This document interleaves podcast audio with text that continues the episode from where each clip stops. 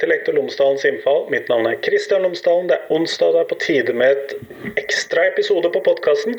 Denne gangen så er det sommeravslutning sammen med Øyvind Børven og Jørgen Moltebakk, akkurat som vi gjorde i fjor.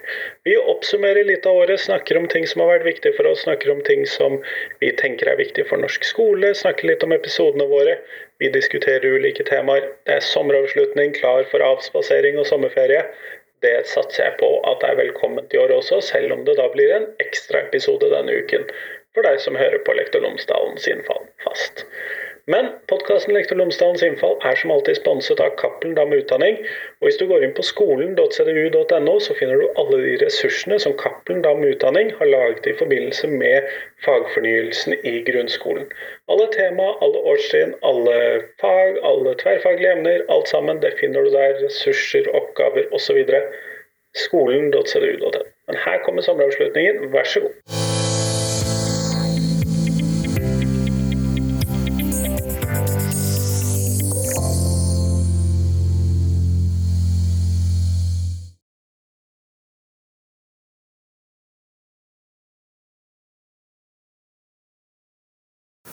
Hjertelig velkommen. Jeg kasta meg utpå, var den første som snakka uten at jeg var avtalt på forhånd. Jeg er Jørgen Moltebakk, og her er vi. Det har gått et år siden vi var samla.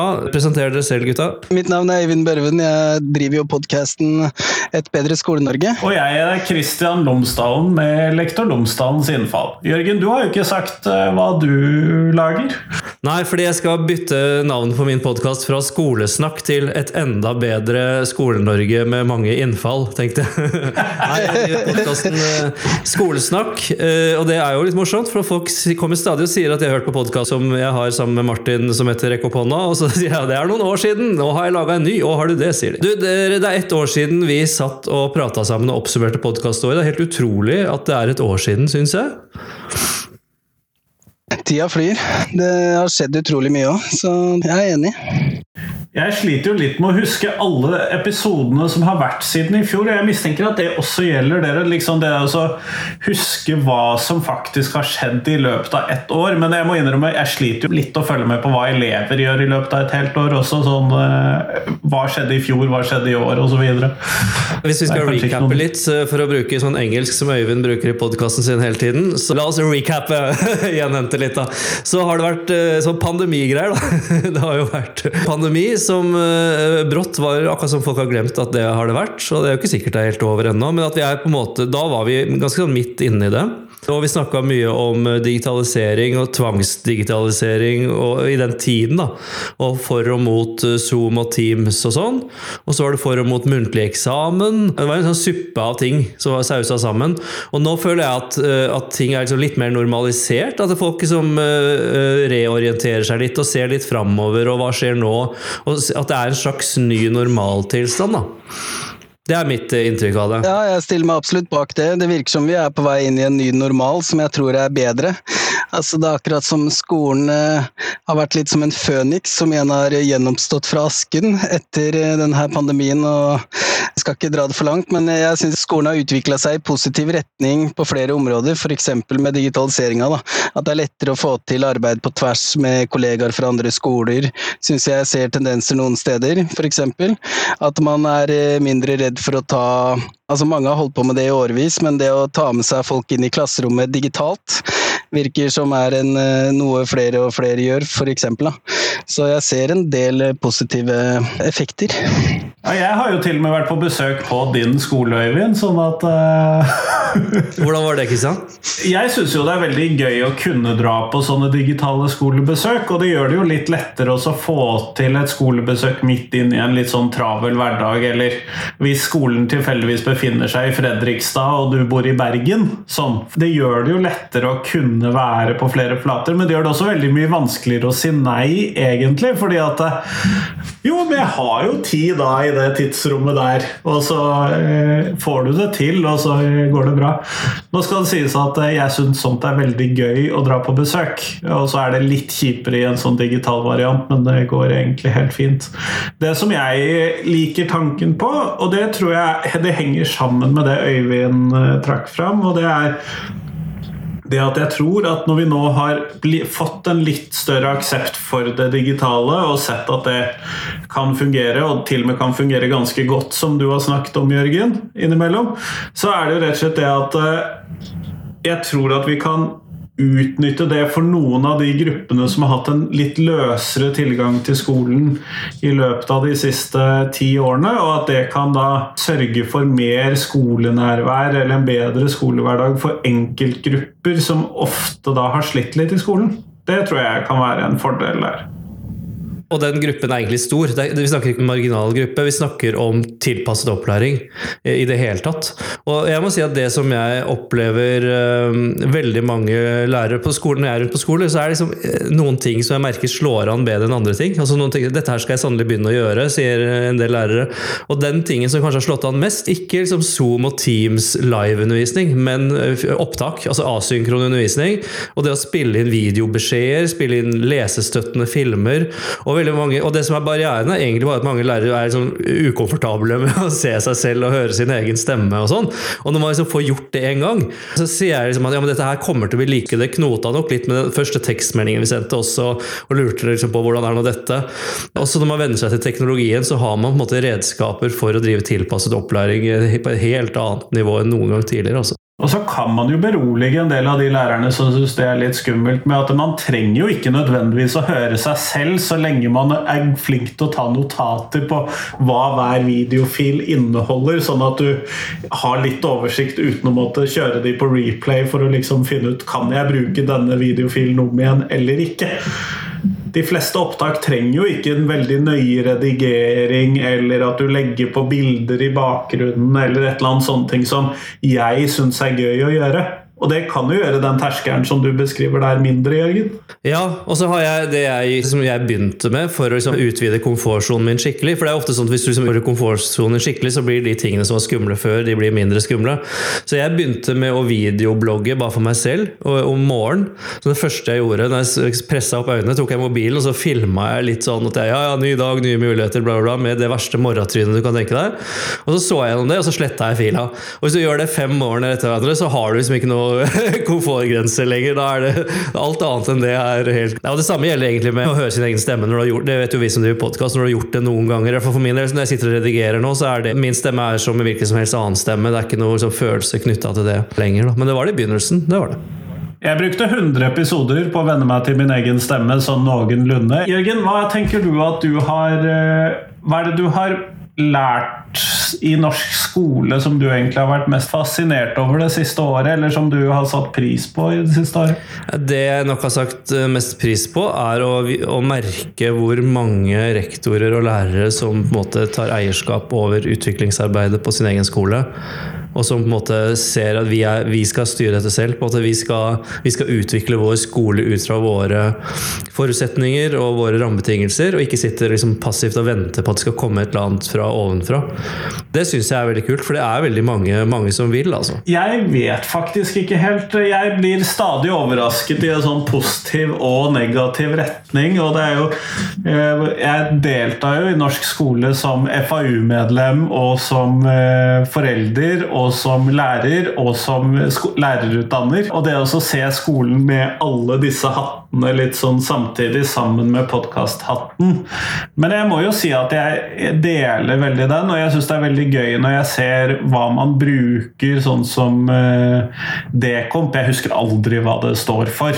Uh, Desentralisert kompetanseutvikling. Ja, men hva man bruker disse Dekomp-midlene til, og hvilken sånn kompetanseutvikling som man da velger å putte inn Jeg mistenker at det er litt relatert til det som du da trakk fram der.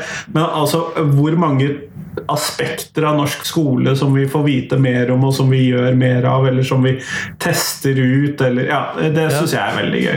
Ja, det er interessant. Altså, Dekomp-ordningen burde jo vært en egen episode. Jeg har liksom begynt på et blogginnlegg. Av alle blogginnleggene som aldri har blitt noe av, så er det et av de som ikke er ferdig. Eh, fordi den ble evaluert. Altså det, og for de som ikke vet hva det er, det er altså myndighetene har bevilget mange hundre millioner kroner til utvikling av skolene. Og de midlene er sendt gjennom universitets- og høyskolesektoren, og så skal de ha partnerskap med skoler og skoleeiere rundt omkring. Og så skal de få kurs. Og det er i og for seg en, en god tanke, men den ble evaluert nå, rett før sommeren, og, og, den fungerer ikke helt etter hensikten, fordi at det blir ikke som på en måte skreddersydd nok. Det kan f.eks. være Jeg skal ikke gå inn på alt nå, men, men en av tingene er at, at innkjøp av kurs og og kompetansehevingsting skjer på et litt for høyt nivå. Da, at rektoren kan ikke bare bestemme hva de vil ha. Det er f.eks. på et kommunalt nivå eller regionalt nivå. De har noen sånne organer, samarbeidsorganer og sånn. Og jeg er litt opptatt av det, og den er jo inhabil så det holder. fordi at jeg, men, men, jeg liksom prøver å ta det opp i de sammenhengene jeg gjør. fordi at det er et sånn hjertesukk at jeg opplever at for meg og en del andre lærere som ikke bare lærere, men som også holder kurs, vi får beskjed om at ja, vi skulle gjerne booka dere til mer kurs og foredrag, men eh, pengene er bundet opp til Dekomp. Det må skje via universitet eller en høyskole. Eh, vi, kan, vi, har ikke frie midler til å betale dere for dette her. Så, eh, så det er noe jeg prøver liksom å ta opp i de sammenhengene der. For jeg tenker at det er så mye og det, og det handler ikke om at det er noe feil med universitets- og høyskolesektoren, men det handler om at det er veldig mye annet du også kan ha behov for som rektor. Altså Hvis en eh, rektor tenker ja, vi skulle ha drilla eh, lærerne våre i mer sånn presentasjonsteknikk, og, vi har en lokal skuespiller her som er veldig god på det, vi kunne leid inn ham eller henne på en planleggingsdag, så har de nesten ikke noe penger til å betale dem for det. Mens hvis det går da via Dekomp-ordningen, så, så, renner det elver av penger. ja, og så ville jeg vel tro, og dette sier jeg helt uten å vite noe som helst om det, eh, er jo at denne ordningen er knyttet til den spesifikke høyskolen eller det spesifikke universitetet som den skolen eller den kommunen har en avtale med. Og det gjør det jo litt mer også begrenset eh, med tanke på hvilken kompetanse hvert enkelt universitet sitter på. Men det vet kanskje du mer om enn meg, Jørgen? Ja, men det er litt sånn uoversiktlig det feltet der, fordi at eh, de kan i og for seg inngå diverse partnerskapsavtaler her og der. Så jeg tror at liksom en eh, noen på Østlandet, en høyskole universitet på Østlandet kan f.eks.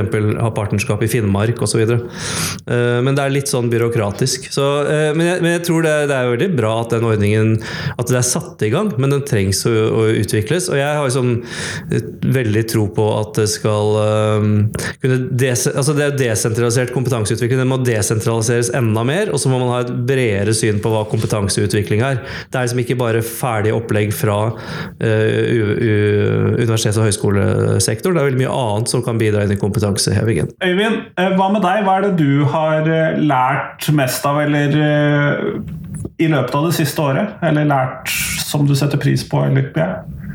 Det syns jeg legger mer og mer merke til. Det er to ting, da. Det ene er at vurdering styrer alt vi gjør i altfor stor grad, så det syns jeg vi bør være bevisst. Men det andre jeg syns jeg har lagt merke til, er at Altså, det her er jo velkjent, jeg elsker jo Hattie-greiene og sånn, og det som kom fram der er jo at alt funker nesten for læring. Og hvis noe ikke funker, så er det akkurat som vi ofte er så redde for å teste noe annet. Men altså, forskninga er soleklar på det, at uh, alt funker, så å si, utenom mobbing og kjedsomhet og sånne ting. Sånn at det å prøve noe nytt hvis noe ikke funker, det er egentlig ikke så farlig. Og det ble særlig tydelig for meg når vi fjerna veldig mange summative vurderinger på skolen jeg jobber på. Så vi gikk fra å ha det jevnt og trutt til å bare ha det fire ganger i året totalt. Veldig mange kaller det jo for karakterfrie skoler når de har karakterer to ganger i året, men vi tok fire. Vi turte ikke å ta det store spranget. Og det som skjedde da, var at eh, det ble en helt annen ro i klasserommet. Altså ble ikke det jag etter karakter eh, hele tida så blei det altså høyere karakterer.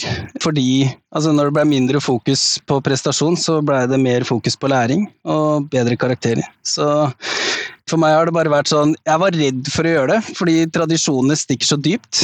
Og jeg så for meg at det kunne skape mye støy, både hos um, lærere og foreldre, og egentlig elever.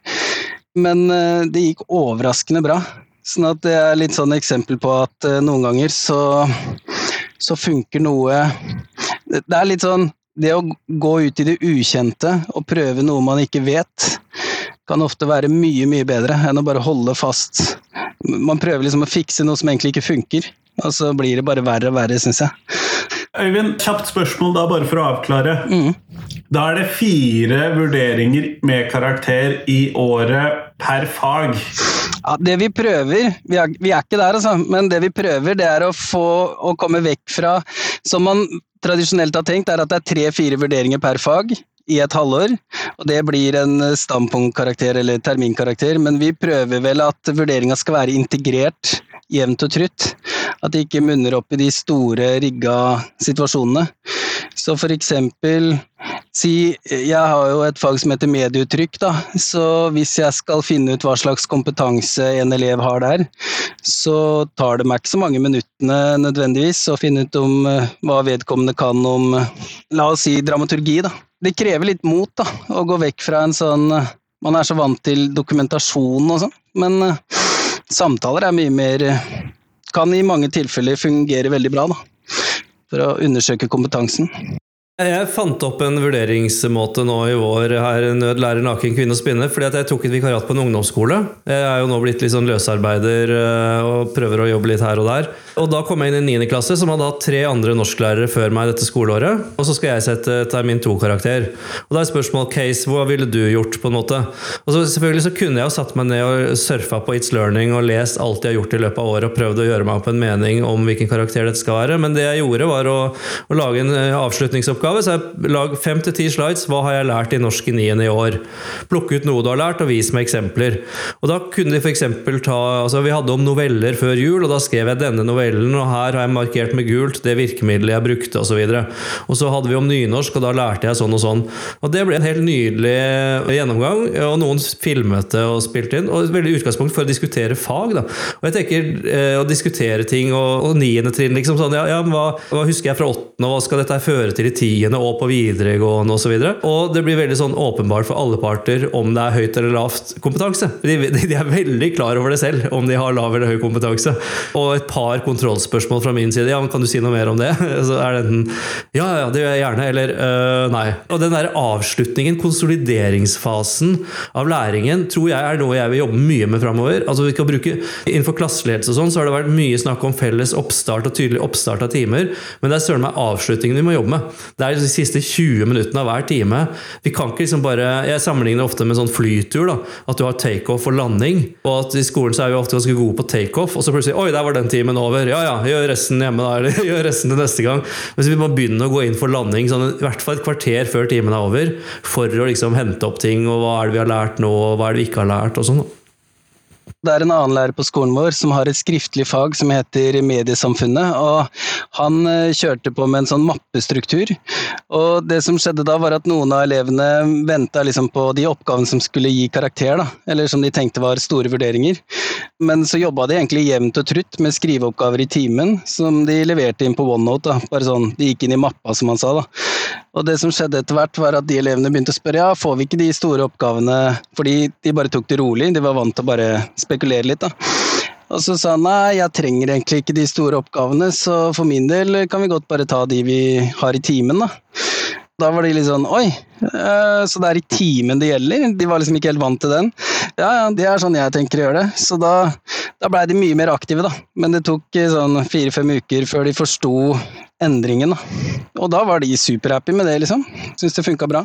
Det som jeg pleier å gjøre, er å ha noen store prosjekter gjennom året. For jeg liker ikke vurderingssituasjoner.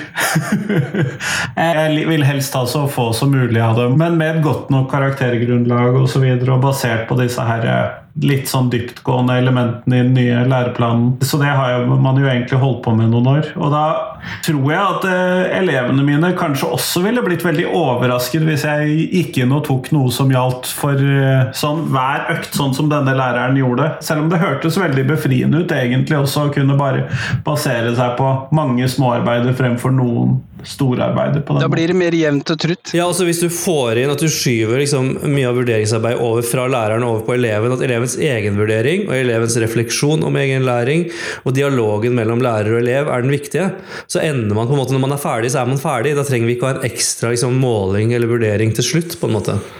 Det er litt sånn som hvis du løper, da. Ikke sant? At hvis du løper 10 km eller halvmaraton eller sånn, hvis du liksom følger med litt underveis, så vet du omtrent hvilken tid du kommer i mål på.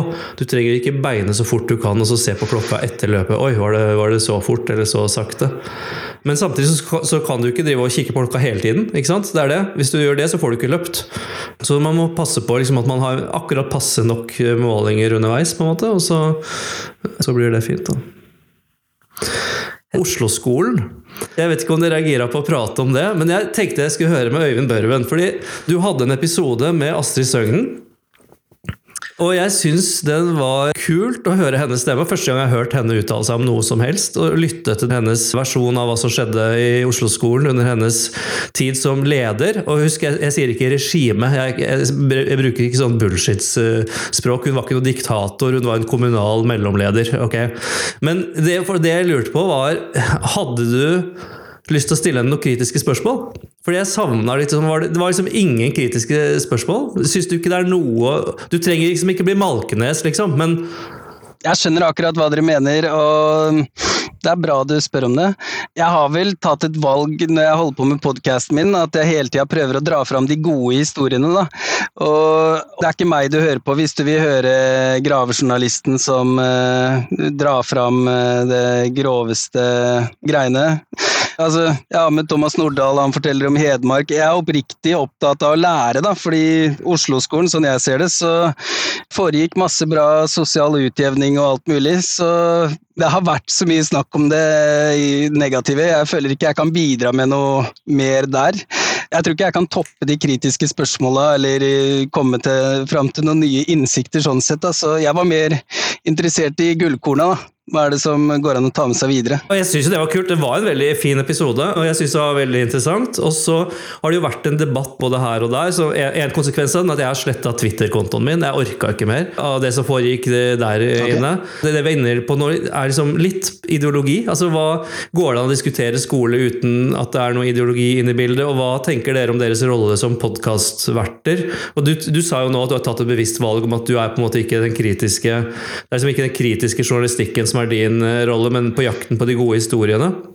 Det syns jeg er kjempeinteressant. Jeg synes det er kjempeinteressant mm. De tankene man har om det. Og jeg ser Christian rekker opp. Ja, der har jeg eh, til del samme innstilling som Øyvind. Det at uh, det ikke er i den enkelte episode den kritiske refleksjonen eller tenkningen skjer. I hvert fall ikke hos meg. Og så har jeg definert dette som at det kritiske ligger i den totale bredden av episoder, heller enn i hver enkelt episode. sånn at jeg har jo mange episoder som fullstendig motsier hverandre.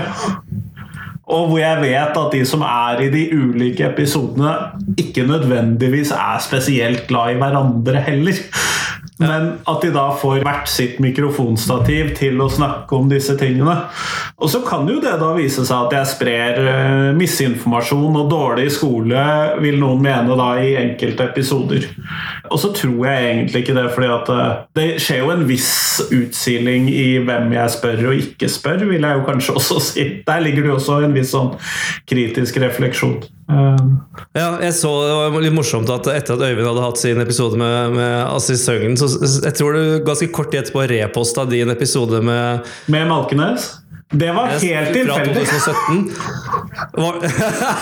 Fra 2017. det var det, ja. Jeg, jeg, tenkte ok, her må jeg være på ballen og invitere begge to sammen, så får vi liksom en sånn meta-meta Det spørs om de hadde stilt opp. Det spørs. Nei, eh, jeg legger de særlig reprisene mine ligger planlagt ti uker frem i tid, sånn at, eh, at det Var det tilfeldig?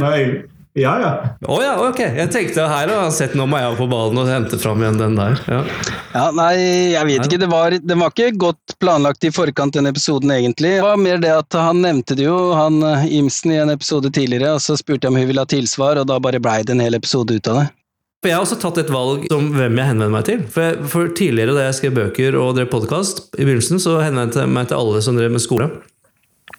Og så etter hvert så fant jeg at jeg, gidder ikke. eh, Fordi det er altfor mange som er i skolen som ikke er interessert i utviklingsarbeid og endringsarbeid og innovasjoner og sånn. Jeg driter i dem, og så henvender jeg meg til de liksom, fem mest engasjerte lærerne på hver skole. Det er min målgruppe. Og så har det bare blitt helt selvsagt for meg. Når jeg sier vi, så er det det de jeg mener. Det er liksom de fem eh, der og de fem der. Men så fikk jeg en melding her på Facebook på Skolesnakk-innboksen fra en dame, en lytter, som sa jeg hører på mange forskjellige skolepodkaster. Det er en ting jeg lurer på, hvorfor snakker dere aldri om de lærerne som ikke vil? de, som, de sier ja og ha, og så fortsetter de bare som alltid, og de bremser utviklingen, de bremser endringen og sånn. Og Da tenkte jeg at det er en gyllen anledning å ta opp det med dere. Hva tenker dere om det? Min erfaring fra å sitte i type fellesmøter osv., og, så videre, og så har du de som jubler over at det nå kommer en endring, og så har du de som er litt sånn Ok, la oss gjøre dette. Og så har du de som aktivt stritter imot, og så har du de som eh, mer stillferdig stritter imot. Det er vel fire sånne hovedgrupper når det skjer endringer i, eh, på et felles Eller kom, det presenteres endringer på et fellesmøte. Og jeg må jo innrømme det at eh, jeg ikke har tatt det samme valget som deg, for jeg håper også kunne formidle noe om skole til alle disse gruppene. Og jeg vet ikke om jeg presenterer endringer, egentlig. Noen ganger, kanskje. Men jeg må jo si at jeg syns det tidvis er litt frustrerende å snakke F.eks. i disse Facebook-gruppene på, på Facebook om skole, hvor man de fleste antar at sånn som vi gjør det her hos meg, det er sånn man gjør det overalt. Og eh, sånn som vi gjør det, det er sånn man må gjøre det. eh, sånn at den der frustrasjonen som din lytter eh, Den kan jeg også kjenne en del på. Hvis jeg skal være litt diplomatisk, så setter jeg ofte pris på motstemmen også, fordi da får man spissa det man holder på med, og blir tvunget til å argumentere ordentlig godt, da, hvis man skal gjennom en endring, f.eks. Jeg er jo kanskje ofte litt for endringsvillig, så da har jeg en, en eller to faste jeg pleier å spørre hva syns du egentlig om det her, litt i forkant, bare for å vite om jeg er helt off eller hva enn, men det er jo et problem hvis folk har en dårlig undervisningspraksis f.eks. år etter år etter år, og ingenting skjer. Altså, Man ville aldri kunnet holdt på sånn i et annet yrke, og jeg tror det er veldig flinke skoleledere rundt omkring som tar tak i ting hvis elevene rett og slett lider. Da. Så jeg tror det er sunt at um, ikke alt blir endra hele tida. Men jeg må også si til lærernes forsvar at um, det er noe med å ha informasjon tilgjengelig òg. Det prøver jeg å få til litt med podkasten, og det har jeg absolutt inntrykk av at dere gjør òg. Det å spre gode historier eller spre info om åssen man kan gjøre ting, gode praksiser, alt sånt. Det fins en sånn tese av Michael Fullen, siterer han i hvert fall, med at hvis veldig mye penger kommer på noen få folk sine hender, så slutter det kapitalistiske systemet å funke.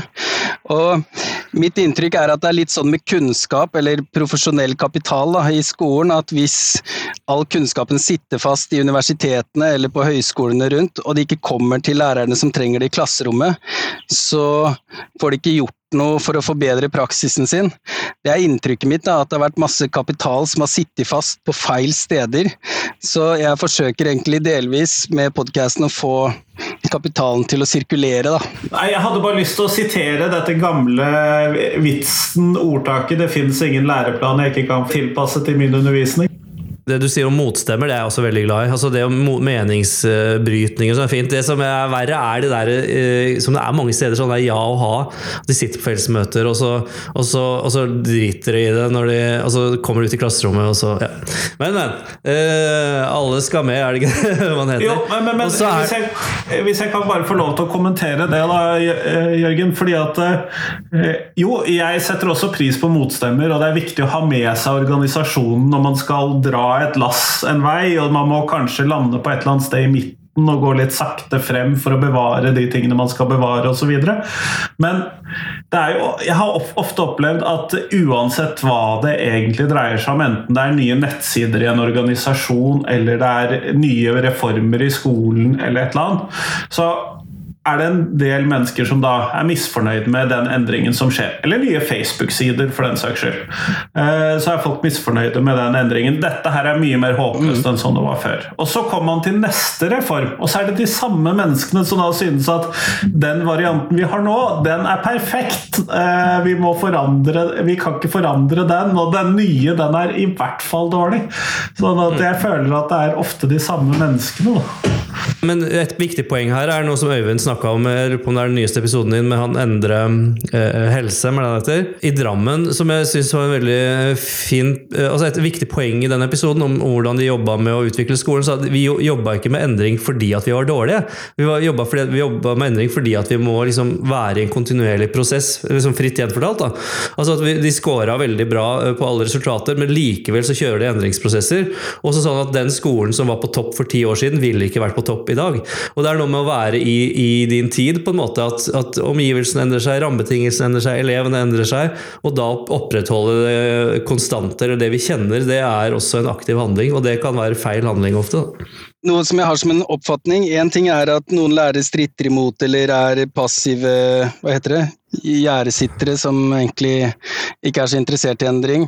Men eh, det er noen ganger at um, ledere også bare involverer på feil sted. At de bare ja, blir med og med noe på om alt mulig, og så bruker man masse tid, og så skjærer lederen igjennom på litt sånn ufin måte, eller Det er noe med at lederen må også ta ansvar for å involvere på riktig sted, og noen ganger være modig nok til å bare skjære igjennom og være gjennomsiktig og si ok, jeg skjønner dere mener det, men skolens mål er jo det her, og liksom At man rett og slett leder litt, da. Og jeg har vært slack på det sjøl, for å være helt ærlig, og det som skjer da, er at folk føler at de tar for mye ansvar. De blir litt sånn Hvorfor skal jeg mene så mye hele tida? Det blir litt slitsomt for dem. De vil bare ha timene sine. De forventer også egentlig ledelse, vil jeg si. Men Jørgen, har du noe svar selv på dette her med disse lærerne som stritter imot eller ikke vil? Eller eh, syns at de har det fint sånn som de har det? Ja, Jeg tror det er viktig å involvere alle, eh, og så sette pris på motstemmene. ikke sant? Altså, eh, men oppfordre til ærlighet. Altså, hvis du er mot noe, så si ifra hvorfor og hva det gjelder, så kan man diskutere det. Ikke liksom sitte og dra en fot i bakken når vi sirkler rundt. Og det er så på karusell på tivoli, så hvis du sitter med en fot i bakken, så, så bremser du. Men så er det jo, som Øyvind sier, veldig viktig lederansvar. Og så si at det er liksom en, en, også en, måte, en, nedre grense vi, vi, på, måte, på hva som er greit og ikke. Og hva som forventes av å jobbe her hos oss. Da. Nå ble jeg jo liksom veldig eh, opphengt i å snakke om det som jeg sier da, at jeg egentlig ikke bryr meg noe om. For jeg er mest opptatt av å dyrke eh, engasjement, dyrke entusiasme, eh, alle som vil noe, og så sørge for at de ideene sprer seg. Og løfte opp hvis, du, hvis en skole har liksom tre lærere som er kjempeengasjerte, og, og finner nye måter å, å, gjøre ting på og løser problemer sånn, at de må få plass i fellesmøter, og få plass, altså at de ideene får spre seg internt. Mm. Og Det har vært morsomt når jeg har kjørt en del sånn digitale ting de siste årene. Jeg husker en gang jeg hadde på en skole eh, noen som skulle, De sittet i grupper for å lage tverrfaglig opplegg. Mm. Og så sa jeg, og dette var helt heldigitalt, så sa jeg nå kan vi bare i chatten nå kan dere ta ett minutt på å se hvis du med dine fag skulle koble deg på dette tverrfaglige opplegget, hvordan vil du gjøre det? Og så I løpet av ett minutt så var det da 35 ideer. For alle, alle klarte det. Og da var det helt sånn Oi! Sitter vi på så mye kompetanse og ideer samlet her? Det var vi ikke klar over. Mm. Så, så, det er det positive i det. At liksom du, alle har noen ressurser, alle har, har noe å bidra med, men du må lage arenaer der de får komme til. Da. Og Der tenker jeg også faktisk at Skolepodkast-Norge spiller en veldig viktig rolle. Og det har skjedd i løpet av de siste to årene, kanskje. At rektorer bruker podkaster i utviklingsarbeidet og finner eh, selv. Og jeg var jo på en, eh, en, skole her nå hvor de sa vi bruke en av deres podkaster her. Og så hørte jeg gjennom den og sa ja, kult, den funker. La lærerne bruke en halvtime på å høre det først. Har man et felles referansebunn når vi skal jobbe med noe i møtetiden. Det er, det er veldig gøy å være med, ha en liten rolle i det, altså. Flipped classroom i lærerverden? Uh, jeg tror at vi burde dempe summativ vurdering, eller altså kutte ned på summative vurderingssituasjoner, hvis jeg skal si noe helt konkret. Og så tror jeg også, siden det er så mye som eh, funker positivt for læring, så lenge vi har god innsikt i forskning og hva som funker og ikke funker, så tror jeg også vi skulle prøvd eh, leksefri på barneskoler. I hvert fall eh, gjort noen eksperimenter. Yes, skal vi begynne å gå inn for landing og kanskje kikke litt framover? Ta en runde på hva vi tenker om neste år og sånn, og så, og så tar vi ferie og avspasering etter det? Så da spør jeg, hva tenker dere om neste år og fremtiden, gutter? Jeg ønsker meg egentlig veldig mye, og så er det litt sånn spørsmål på hvilket nivå man skal legge de ønskene som man har for norsk skole på. Er det et politisk ønske, noe som må realiseres veldig høyt der oppe, eller noe der ute i hver kommune eller på hver skole? Ja, og det syns jeg jo er enda mer slitsomt å måtte. Men hvis jeg kunne ønske meg at vi alle lærerne så sammenhengen mellom fra Grunnlovens paragraf 109 og ned til eh, det nederste læreplanmålet i hver læreplan og henger sammen med disse her eh, delene av opplæringsloven som handler om psykososialt miljø, tilpasset opplæring, fritaksrett av ulike årsaker. Jeg er litt banen der, så ville jeg jo sette veldig stor pris Hvis vi klarte å bygge inn den der eh, hierarkiske strukturen i lovteksten og formålsdokumentene, at vi innarbeidet den litt. Og så vil jeg jo slutte meg til Øyvind sitt uh, ønske om uh, denne vurderingen, at vi skal da gjøre noe med det. Så jeg vil slutte meg til det også, da. Ja, ja. Vi må prøve å bruke handlingsrommet og teste det helt til yttergrensene. Og så se, hvis vi ikke er fornøyd da, da kan vi heller ta et tak. Men uh, vi har så mye å gå på på handlingsrommet òg, sånn at uh, vi må nok teste det først.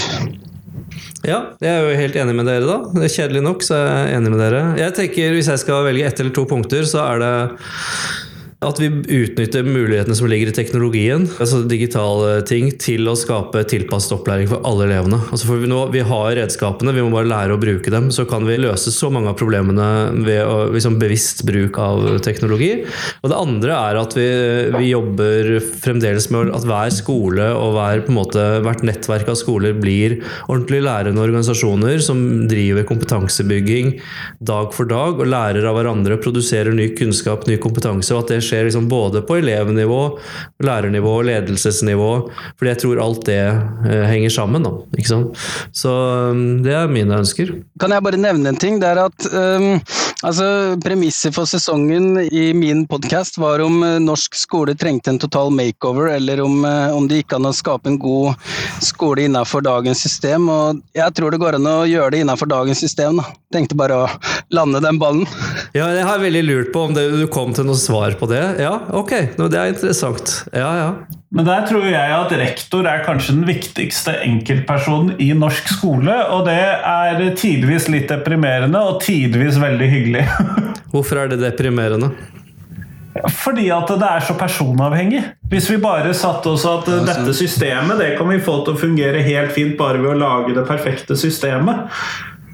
Og så innser jeg at dette er kjempepersonavhengig skulle vi fått noen til å sponse et delegeringskurs til de fleste rektorer, for de ender jo opp med alt fra rørleggerbefaringer til eh, kjernevirksomhet med pedagogikk og alt som er. Så et eh, delegeringskurs hadde vært bra. Kanskje vi skal sende en liten blomst nå, hvis dette her er vår sommeravslutning, til alle rektorer rundt om i Norge. Og du er jo det selv, Øyvind. Men fordi det er tungt mange steder. Det har vært saker nå i Bærum, jeg vet ikke om dere har sett i Bærumsskolen, nå er det jo full oppstandelse med rektorer som slutter, og kommunestyret som sier de skal skjerpe seg og gi dem litt mindre å gjøre.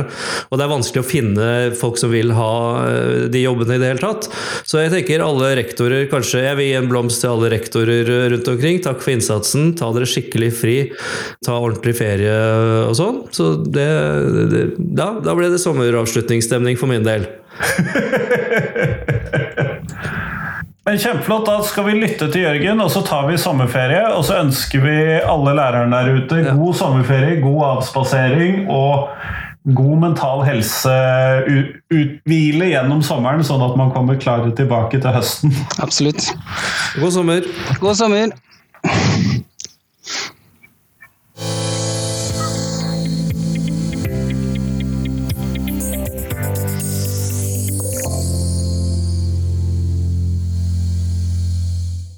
Tusen takk til Jørgen, og tusen takk til Øyvind, og selvfølgelig tusen takk til deg som hørte på. Og så vil jeg selvfølgelig ønske deg god avspasering, god sommerferie, god avslappende tid. Eh, nyt sommeren. Eh, lad opp batteriene til neste år. Det satser jeg på at blir bra.